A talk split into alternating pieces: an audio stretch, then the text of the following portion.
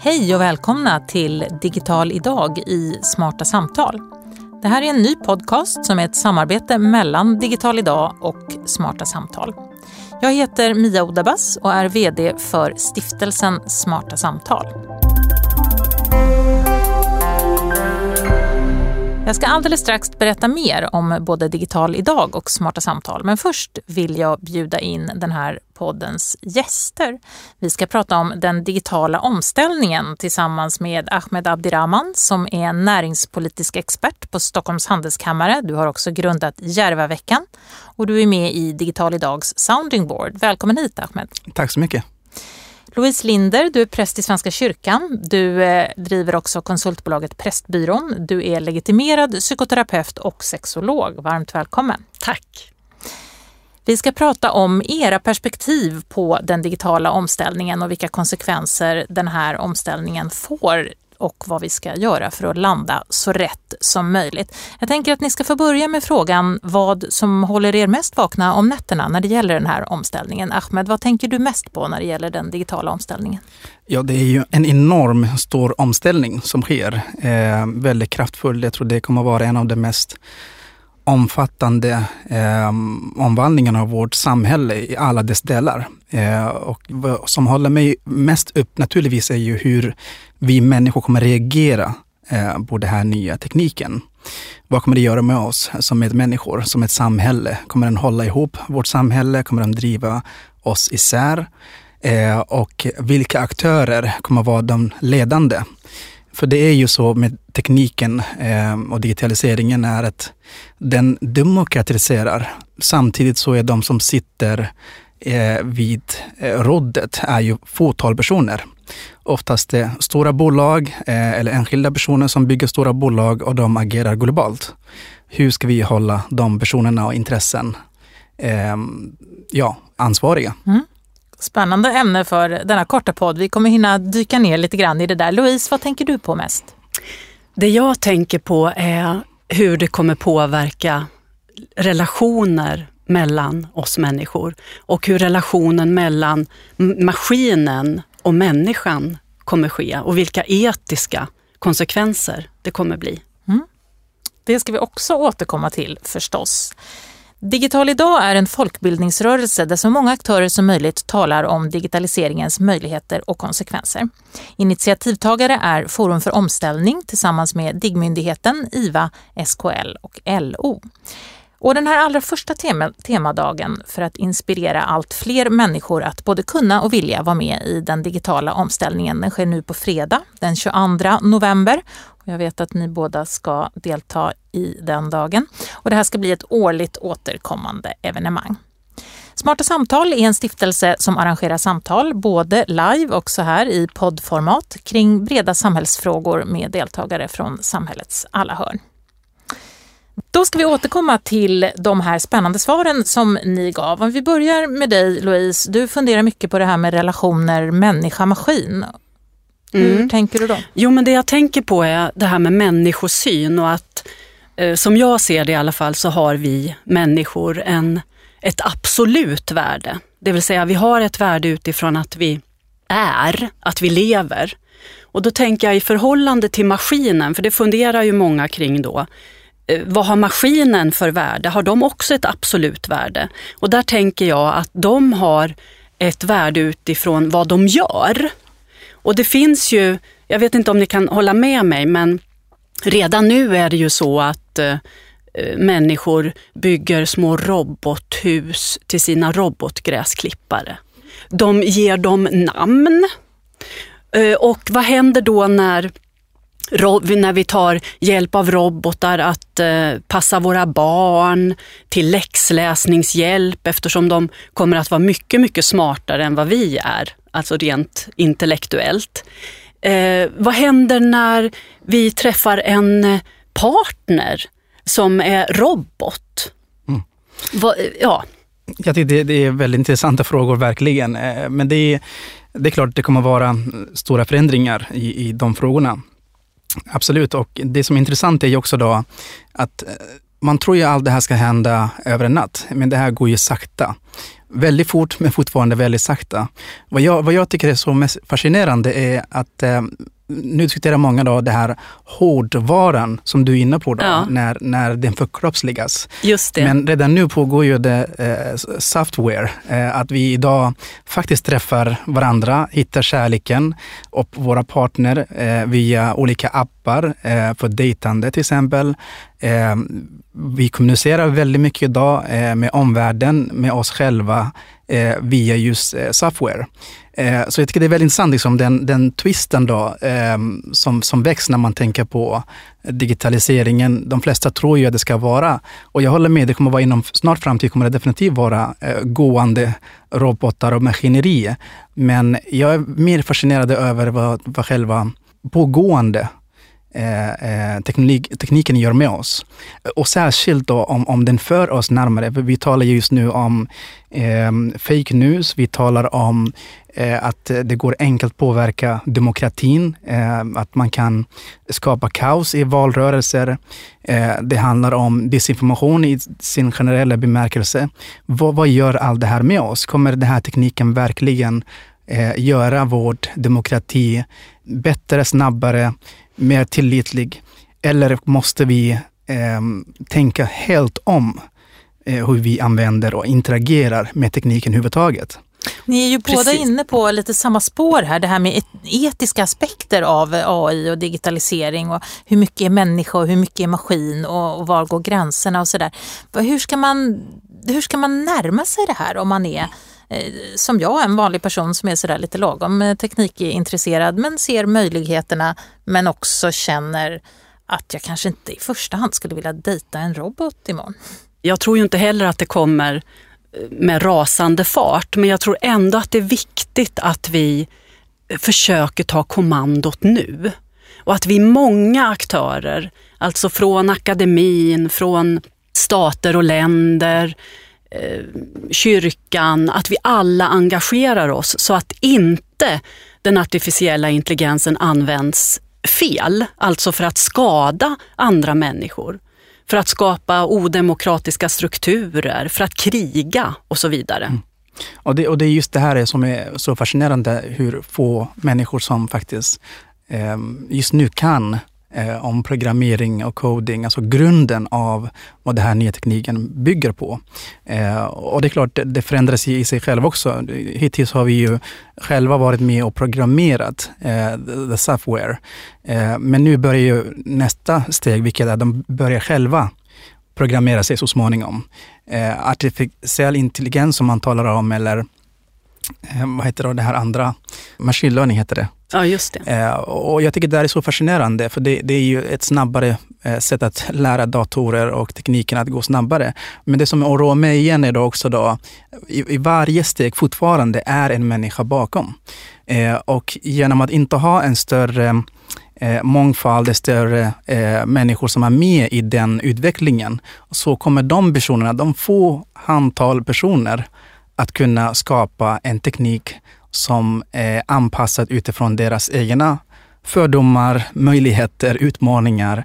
Eh, så det är jätteviktigt idag mer än någonsin då att, att både den religiösa eh, eh, eh sektorn, den akademiska sektorn, unga, eh, alltså mångfald i sin generella eh, eh, benämning är med och påverkar. För den kan göra, som vi har redan sett, då, att de som programmerar kanske då eh, matar in bilder av fester och, och, så väljer man då sina album eh, eller sina datorer, då, sina bildarkiv som bara innehåller viss människor med viss eh, färg eller med viss språk eller med viss eh, kön eller med viss eh, funktionsvariation. Och då tror ju då det här nya smarta datorn att fest innebär... Så här ser alla fester ut? Ja. Mm. Eh, det kan också vara i kriminalpolitiken. Eh, det kan vara att man använder mediearkiven som vi vet har historiskt eh, haft eh, många felaktiga bilder av, av olika människosyn. Så det är väldigt intressant att, eh, att vi verkligen förstår på oss eh, kraften i det vi håller på att skapa och att vi alla deltar. Och det, det skrämmer mig att vi inte gör det i tillräckligt hög grad. Men då tänker jag, hur, hur ska vi få med alla människor? fattiga och mer rika, mm. underutvecklade länder och länder som är mer utvecklade. Kvinnor och män och just det här att vi ser ju inom olika kulturer och religioner så ser vi ju olika på eh, en, vad människor helt enkelt, vad en människa är värd och även andra saker. Hur ska vi liksom hitta det här så att alla får sin röst hörd? Vi ser ju redan nu hur svårt det är i världen bara att skapa fred till exempel. Du var inne på Ahmed i din inledning att du funderade lite över det här med huruvida vi håller ihop samhället i digitaliseringen eller om vi de facto drar isär. För på ett sätt som du sa så demokratiserar ju digitaliseringen utvecklingen i hela samhället och ger möjligheter till fler människor.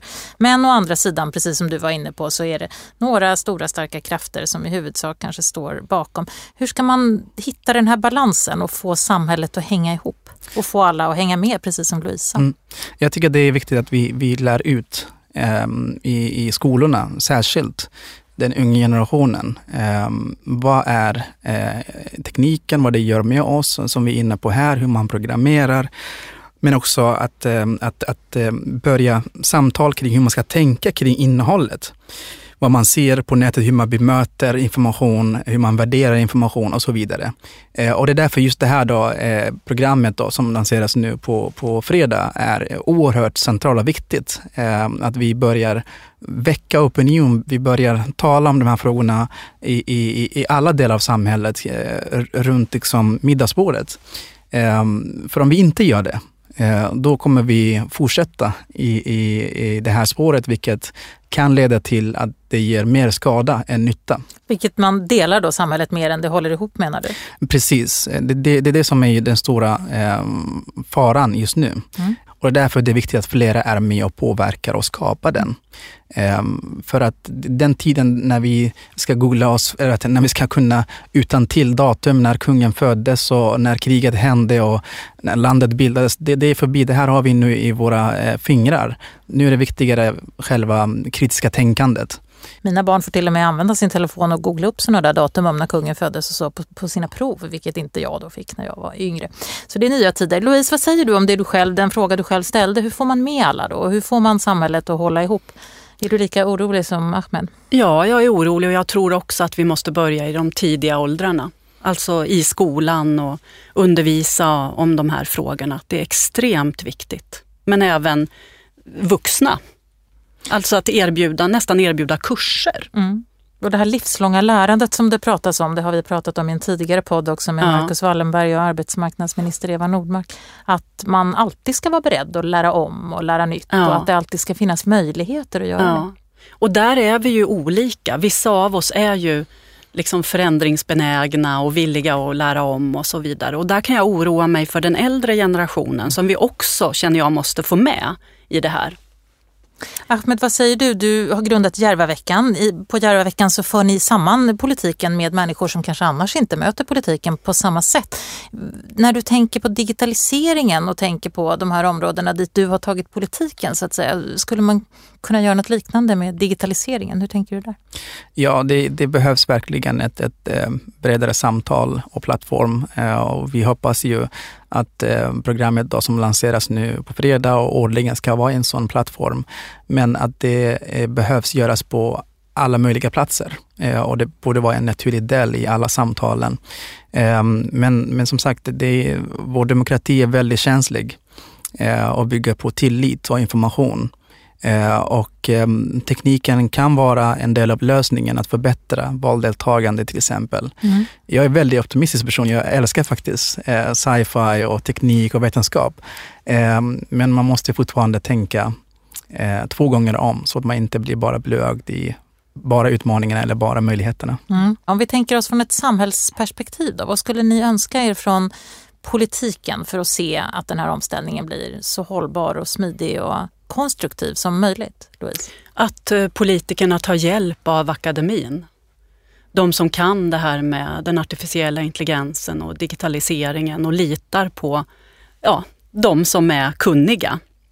Och inte bara börjar uppfinna saker själva och utifrån vad de har hört och så vidare, utan verkligen att våra politiker informerar sig. Det önskar jag. Mm. Jag tycker att de borde ha obligatorisk utbildning, i alla fall några kurser i, i den här tekniken i, ja. i hela riksdagen. Ja. Alla kommunpolitiker och så vidare, för det är det är väldigt eh, skrämmande hur lite faktiskt folkvalda vet om det här kommande tekniken. Mm. Men vad jag också tänker på också, eh, och det här är jätteviktigt, eh, och vi ser också då teknikens konsekvenser när det kommer till våra barn också, det måste finnas gränser. Tekniken får inte heller ersätta det här med mänskliga möten. Um, och det är någonting att, att, att, bevara och tänka på. Att det får inte bli så lätt att våra hela sociala aspekten eh, av vår medmänsklighet överförs till Ehm, den digitala världen. Eh, gentekniken är bra, den kan underlätta, den kan göra väldigt mycket. Men vi måste fortfarande, om vi ska ha ett hållbart och sammanhållande samhälle, så måste vi träffas ehm, face to face. Ehm, och det där tror jag är, är jätteviktigt att ta med i de här samtalen. Eh, att vi inte hamnar i en situation där vi bara chattar och eh, håller oss i den digitala världen, utan att vi möts i tunnelbanor, på arbetsplatser, i kyrkor och moskéer och synagogor och allt annat religiösa. Att det blir liksom en, ett medmänskligt samhälle även i fortsättningen, trots att tekniken då kommer göra det lätt för oss att hålla kontakt. Det håller jag verkligen med om. Det går inte att ersätta. Ja från politiken önskar ni alltså att de utbildar sig mer. Det är en spännande önskan tycker jag. Eh, om ni tänker näringslivet som ju ändå är en stor del också av den här omställningen. Vad skulle ni önska er därifrån Louise? Att de också utbildar sig, mm. såklart. Och de kanske räcker upp handen och säger vi kan det? Ja, många kan det, men att de också tänker vilka konsekvenser deras eh, uppfinningar eller användningen av olika eh, produkter som de till exempel tillverkar eller tjänster de erbjuder. Vad får det för konsekvenser? Kommer det här användas i mänsklighetens tjänst och för alla människor? Inte bara för ett fåtal som kanske vinner, får någon ekonomisk vinst av det eller blir berömda, utan kommer det här gagna oss människor? Ja, jag håller absolut med där, men jag tycker också det är viktigt att eh, särskilt de, de företag då som behöver ställa om, för det, det, det, företagen är ju också anställda av människor, eh, att de faktiskt ger möjlighet till sina anställda eh, att, att lära sig just om den här tekniken som vi är inne på. Mm. Nu har vi gått från individen till eh, samhällsnivå och i näringslivet. Om vi går tillbaka till individen, ni funderar ju mycket på de här frågorna i era olika roller. Vad, hur, har ni, hur rustar ni er själva för den digitala omställningen. V vad gör ni? Utbildar ni er? hur klurar ni på det här Louise? Ja, jag skriver. Så jag har skrivit en uppsats om det här med den artificiella intelligensen och etik och vilka konsekvenser, vilka etiska konsekvenser som eh, det får för oss människor. Jag har också hållit på att skriva ett kapitel nu om den fria viljan utifrån autonoma system. Alltså eh, har vi människor en fri vilja och då går jag tillbaka till Martin Luther och Erasmus av Rotterdam som bråkade om det här på 1500-talet. Och så tänker jag då på hur vi ser på vår fria vilja, om vi verkligen har en fri vilja och om de autonoma systemen verkligen är autonoma och har en fri vilja. Så det är lite det filosofiska perspektivet? Lite filosofiska, mm. lite etiska, lite teologiska också. Mm sådana frågor som man har funderat på sedan 1500-talet. Ja, och kan man säga. Ja. Och sen också det här att vi, vi människor är skapade till Guds avbild, står det i eh, Första Mosebok. Eh, och det är ju en religiös bok som vi delar med judendomen och islam och kristendomen. Nu håller vi på och skapar eh, en maskin, så att säga. Och skapar vi den till vår avbild eller ja, det här att vara medskapare, det funderar jag också lite grann på. Det är en väldigt spännande parallell till eh, när Gud skapade världen. Ja. Mm. Väldigt spännande verkligen. Eh, men för min del så, så handlar det om att försöka få en, en bättre bild och bättre kunskap eh, om de här frågorna och eh, både etiken och, och eh, den religiösa frågorna, då, filosofiska frågorna som dyker upp i de här frågorna. Vad är liv? Vad är människa? Eh, vad händer när vi inkorporerar tekniken i oss själva? När vi börjar bära delar av våra kroppar. Eh, inte för att vi har haft en skada och ersätter det av nödvändighet, men att vi frivilligt väljer att vara en del eh, av vår kropp ska vara en, en dator, en chip eller vad det kan vara hårdvara och mjukvara. Om, om, om det blir så avancerat så kommer de här maskinerna leva längre än oss, alltid. Eh, kommer de att ärva eh, jorden, mm. om man är tillbaka här om några hundratusen år. Eh, och vad, vad, innebär det då? Vad berättar de för berättelser om sina skapare, om man säger mm. så? Mm. Eh, det tycker jag är väldigt eh, fascinerande. En annan sak jag tänker på är varför. Varför, varför behöver vi all den här tekniken? Vad, vad är det vi vill, vad, vad är meningen med livet? Vad vill, vill vi göra mer? Som vi inte kan göra nu. Liksom, vad, vad vill vi få? Vad är målet? Och då tänker jag att målet, det är ju, handlar ju, i alla fall för mig då och många av oss, det är ju det här att de mellanmänskliga relationerna, att skapa mening, att få bidra med sin erfarenhet och sin kunskap och ja, hålla ihop liksom, mänskligheten, att skapa fred och, och så. Ja, kommer vi kunna göra det bättre med eh, tekniken? Och det är ju, det tror jag att vi kommer kunna. Mm. Men att vi får inte tappa bort det här meningsfulla, kärleken, att få ge och ta emot kärlek. Och, mm. Nu har ni väckt ett helt eh, antal, eh, en hel knippe med spännande saker som vi kan fortsätta prata om. Till exempel då på fredag på Digital idag där vi träffar er i Stockholm båda två. Men också förstås i helt andra forum och på helt andra platser under lång tid framöver. Stort tack för att ni var med i Digital idag i Smarta samtal. Louise Linder och Ahmed Abdirahman. Tack så mycket.